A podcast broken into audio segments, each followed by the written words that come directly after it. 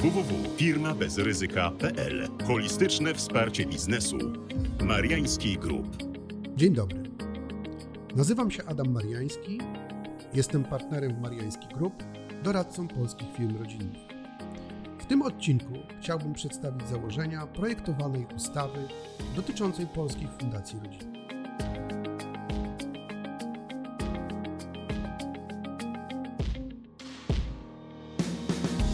Zastanawiają się Państwo, po co potrzebne są fundacje prywatne, zwane również fundacjami rodzinnymi. Wszyscy wiemy, że znaczna część polskich firm powstała na przełomie lat 80. i 90. ubiegłego wieku. Powinny one być już w pierwszym transferze pokoleniowym e, lub przynajmniej przygotowywać proces sukcesji biznesu. Oczywiście jest to bardzo złożony proces, ale dla niego duże znaczenie ma również to, czy istnieją odpowiednie rozwiązania prawne. I takich przez wiele lat brakowało. Jedną z pierwszych ustaw, którą przygotowano celem ułatwienia spadkobrania prowadzonego biznesu, była ustawa o zarządzie sukcesyjnym przedsiębiorstwem osoby fizycznej w spadku. Ustawa ta dotyczy jedynie przedsiębiorców działających w oparciu o wpis do ewidencji działalności gospodarczej, czyli po prostu jednoosobowych przedsiębiorstw osób fizycznych. Należy także pamiętać, że ta ustawa nie rozwiązuje problemu prawidłowej sukcesji biznesu, jest jedynie kołem ratunkowym dla nieprzygotowanych firm prowadzących działalność gospodarczą jako osoby fizyczne. Potrzebne zatem są regulacje dla większych firm działających również w innych formach prawnych, spółek osobowych czy też spółek kapitałowych. Pamiętajmy bowiem, że firmy rodzinne to również spółki giełdowe czy duże holdingi, a nie tylko jednoosobowe działalności gospodarcze. W tym zakresie należy zauważyć, że w ostatnich latach brak było zasadniczych zmian prawa spadkowego i podatkowego, które umożliwiałyby prowadzenie takich procesów transferów pokoleniowych, czyli budowania firmy wielopokoleniowej. Nie ma takich rozwiązań, które by umożliwiały przekazanie kontroli i własności nad majątkiem na rzecz wybranych następców i dalszych pokoleń. Dodatkowo polskie przepisy dopuszczają wyłącznie funkcjonowanie fundacji publicznych, czyli takich, których celem jest działalność o charakterze publicznym, najczęściej organizacje pożytku publicznego, a wyklucza to tym samym utworzenie fundacji dla prywatnego interesu założyciela czy też jego następców.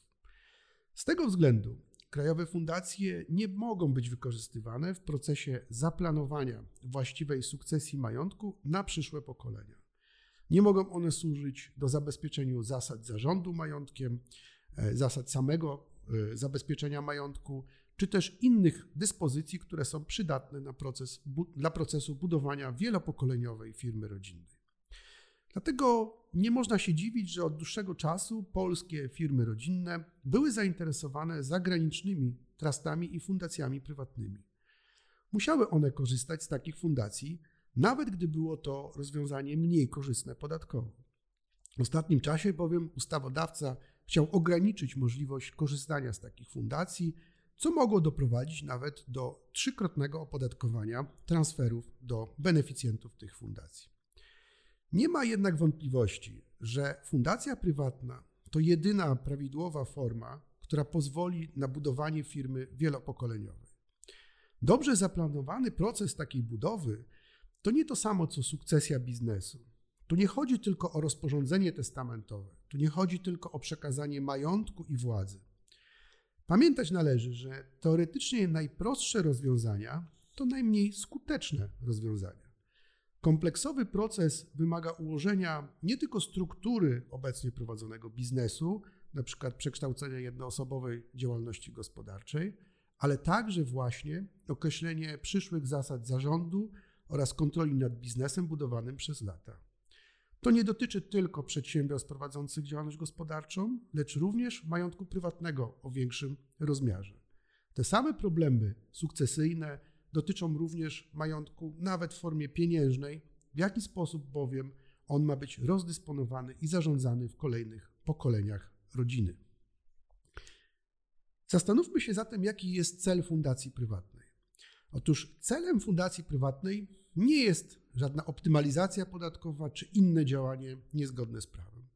Jest to przede wszystkim zarządzanie majątkiem przekazanym przez fundatora w sposób, który on określi i dysponowanie tym majątkiem właśnie zasadami określonymi przez fundatora, a w przyszłości Radę Rodzinną w statucie fundacji. Dlatego ta fundacja stanowi tak cenne narzędzie w procesie planowania transferów pokoleniowych. Właścicielem majątku rodzinnego przestają być osoby fizyczne, obecne albo w przyszłości spadkobiercy, a staje się fundacja.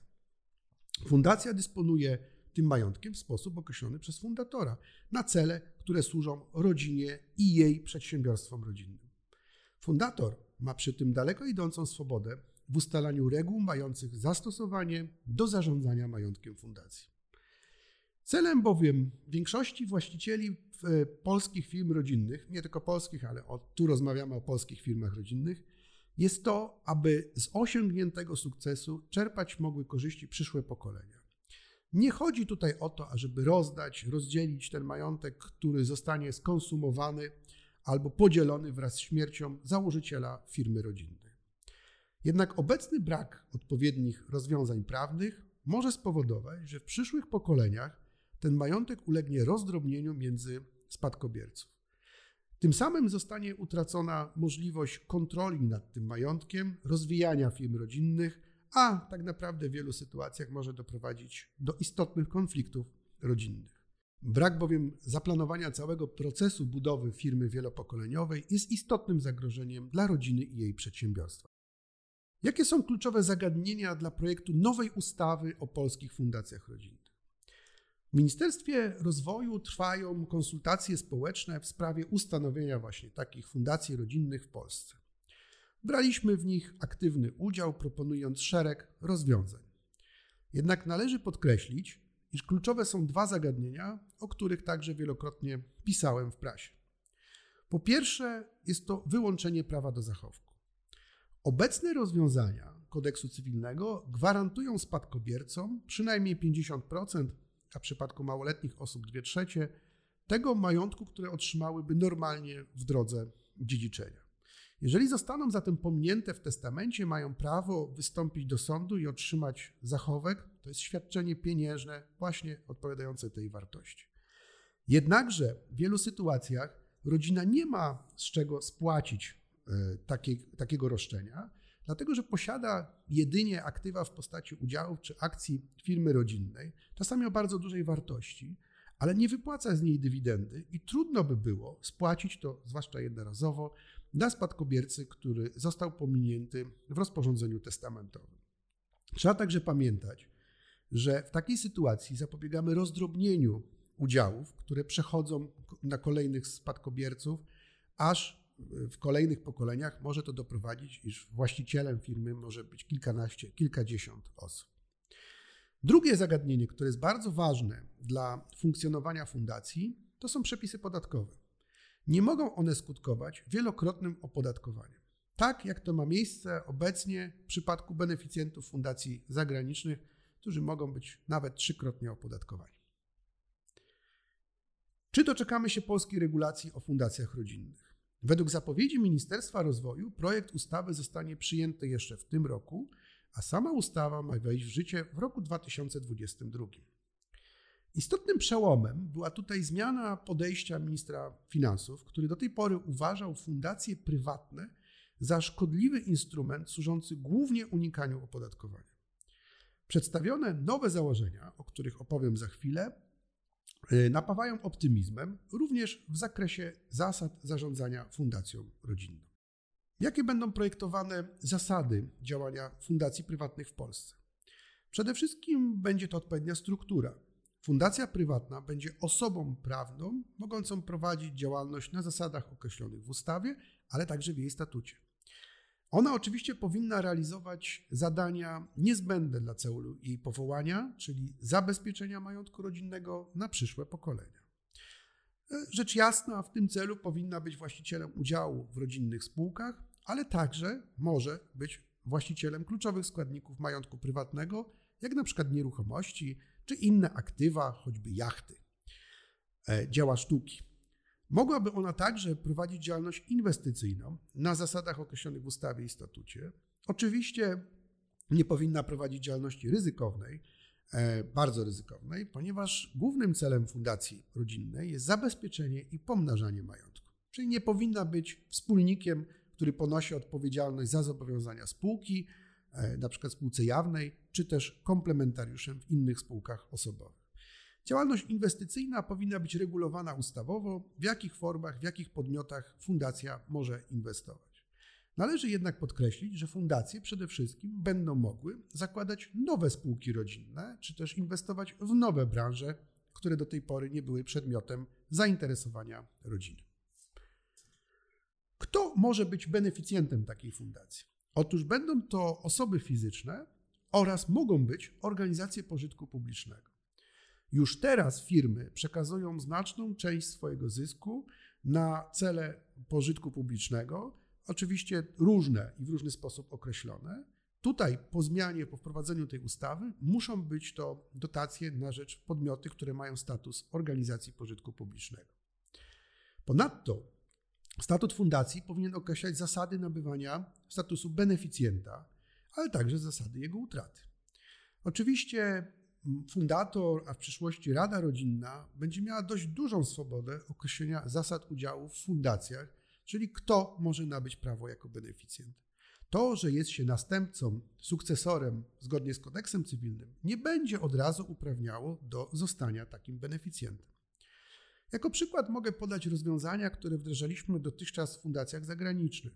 Na przykład w jednej z fundacji maltańskich wskazaliśmy, iż prawo do zostania tym beneficjentem będzie przysługiwało następno, następcom, dzieciom, wnukom pod warunkiem ukończenia jednego z uniwersytetów 500 na świecie, czyli na liście tych najlepszych, oraz odpowiedniego doświadczenia w branży przydatnej dla firm rodzinnych należących do tej fundacji. Należy także podkreślić, że posiadanie statusu beneficjenta nie oznacza automatycznie prawa do uzyskiwania świadczeń pieniężnych.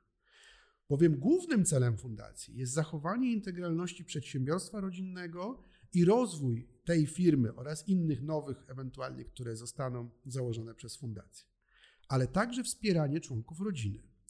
Nie może to zastępować jednak własnej pracy i aktywności sukcesorów. Inny oczywiście charakter może mieć wsparcie socjalne, które można przewidzieć w statusie, albo wsparcie w zakresie celów zdrowotnych dla uprawnionych beneficjentów, ale także działalności edukacyjnej, chociażby opłacając stypendia naukowe. Oczywiście status fundacji musi także dokładnie precyzować, co ma się stać z majątkiem fundatora, zarówno za życia, jak i po śmierci tegoż fundatora. Czyli także można określić zasady rozwiązywania fundacji, jeżeli przyszłe pokolenia tak uznają. Należy również określić zasady wypłaty świadczeń dla uprawnionych beneficjentów. W ramach powołanej fundacji będą funkcjonowały organy, przede wszystkim taka rada rodzinna, która będzie decydowała o dysponowaniu majątkiem fundacji, o nowych inwestycjach, ale także o wypłatach na rzecz określonych beneficjentów lub inne cele wskazane w statucie. Umożliwia to planowanie majątkowe w przyszłych pokoleniach, dawno już po śmierci fundatorów tej fundacji. Co będzie się składało na majątek fundacji? Majątkiem fundacji będą przede wszystkim udziały, akcje w spółkach rodzinnych. Co do zasady, rodzina powinna transferować wszystkie swoje przedsiębiorstwa do fundacji, aby zapewnić integralność właśnie tych przedsiębiorstw w przyszłych pokoleniach. Istotne jest to, że wkłady do fundacji, czyli wnoszenie tych udziałów, akcji, nie będą opodatkowane. Tym samym tworzenie takiego podmiotu będzie korzystniejsze podatkowo niż założenie spółki holdingowej. Istotne jest także określenie, w jaki sposób będą opodatkowane transfery do fundacji oraz samej fundacji do beneficjentów. Tutaj, tak jak już sygnalizowałem, po tej istotnej zmianie stanowiska Ministerstwa Finansów, fundacja nie będzie gorzej opodatkowana, a może się okazać, że w pewnych sytuacjach nawet mamy lepsze rozwiązania niż w przypadku klasycznych spółek kapitałowych. Fundacja będzie bowiem swoistą spółką holdingową, czyli będzie posiadała udziały, akcje w spółkach zależnych, tych spółkach rodzinnych, ale także w innych, których dokonała inwestycji. I wypłata dywidend ze spółek rodzinnych nie będzie opodatkowana. Czyli spółka zapłaci swój podatek dochodowy od osób prawnych, ale sama wypłata dywidendy do fundacji już nie będzie po raz drugi opodatkowana. Oczywiście Mając te środki, fundacja może dokonywać nowych inwestycji, inwestować w dotychczasowe przedsiębiorstwa, nabywać udziały w innych branżach, lokować środki, pomnażać. Jeżeli natomiast fundacja zdecydowałaby się na wypłatę tych środków do beneficjentów, e, to w przypadku, gdy trafią one do osób z najbliższej rodziny, zaliczanych w ustawie o podatku od spadków i darowizn do pierwszej grupy podatkowej, czyli rodzeństwo, e, rodzice, dzieci, wnukowie, to to świadczenie ma być opodatkowane właśnie tym podatkiem od spadków i darowizn, czyli najwyższej wysokości wyniesie 7%. Oznacza to, że to rozwiązanie może być ciekawe również z punktu widzenia podatkowego, bowiem w takiej sytuacji spółka zapłaci tylko 19%, a beneficjent dodatkowo 7%. Czyli to opodatkowanie wyniesie mniej więcej 25%. Inaczej niż w przypadku spółek kapitałowych, gdzie ostateczne efektywne opodatkowanie udziałowca, akcjonariusza wynosi około 34%. Ostatnią kwestią, którą należałoby rozstrzygnąć w ustawie, to jest właśnie to ograniczenie praw do zachowku, o którym mówiłem wcześniej. Oczywiście najbardziej pożądanym jest możliwość wyłączenia dochodzenia praw do zachowku przez uprawnionych spadkobierców. Wydaje się jednak, że takie rozwiązanie nie zostanie przyjęte przez projektodawców, którzy chcieliby zachować jednak jakieś prawo do świadczeń pieniężnych przez tych uprawnionych, którzy nie zdecydują się na przystąpienie do fundacji. Inaczej mówiąc, będziesz miał wybór: albo zostaniesz e, beneficjentem fundacji, i wtedy oczywiście będziesz korzystał z uprawnień, które wynikają z statutu, albo z niego zrezygnujesz i w takiej sytuacji dostaniesz odpowiednie świadczenie pieniężne odpowiadające jakiejś części dotychczasowego prawa do zachowku. Najbardziej pożądanym rozwiązaniem jest ograniczenie wypłaty tych świadczeń pieniężnych dla podmiotów, które, dla osób, które nie chcą zostawać beneficjentami, w ten sposób, że ograniczymy je na przykład do wysokości 20% skonsolidowanych zysków fundacji, czyli spółek należących do tejże fundacji. Przy czym to żądanie wypłaty zachowku powinno być zawsze fakultatywne, czyli ja powinienem decydować, czy chcę zostać beneficjentem fundacji, czy nie chcę z tego prawa korzystać i poproszę o świadczenie pieniężne określone w ustawie i statusie. Oczywiście poczekamy jeszcze na dokładne rozwiązania ustawy, ale wydaje się, że to będzie także korzystne rozwiązanie z punktu widzenia tych osób, które zostaną w fundacji, czyli zostaną beneficjentami majątku rodzinnego. Na końcu chciałbym podkreślić bardzo istotną kwestię planowania budowy firmy na pokolenia. Musimy pamiętać, że założenie fundacji nie jest ani pierwszym, ani ostatnim krokiem w tym procesie. Najważniejsze jest bowiem ustalenie wszystkich zasad rodzinnych, wartości, także dotyczących transferów pokoleniowych w następnych pokoleniach, a nie tylko w tym pierwszym, którym ma dojść do sukcesji. W tym celu rodzina powinna przygotować zasady tych transferów i funkcjonowania firm rodzinnych, najlepiej w postaci konstytucji rodzinnej. Jest to dokument, który nie ma mocy prawnej, ale który kształtuje nasze zasady na pokolenia. Ale o tym opowiem Państwu w następnym odcinku.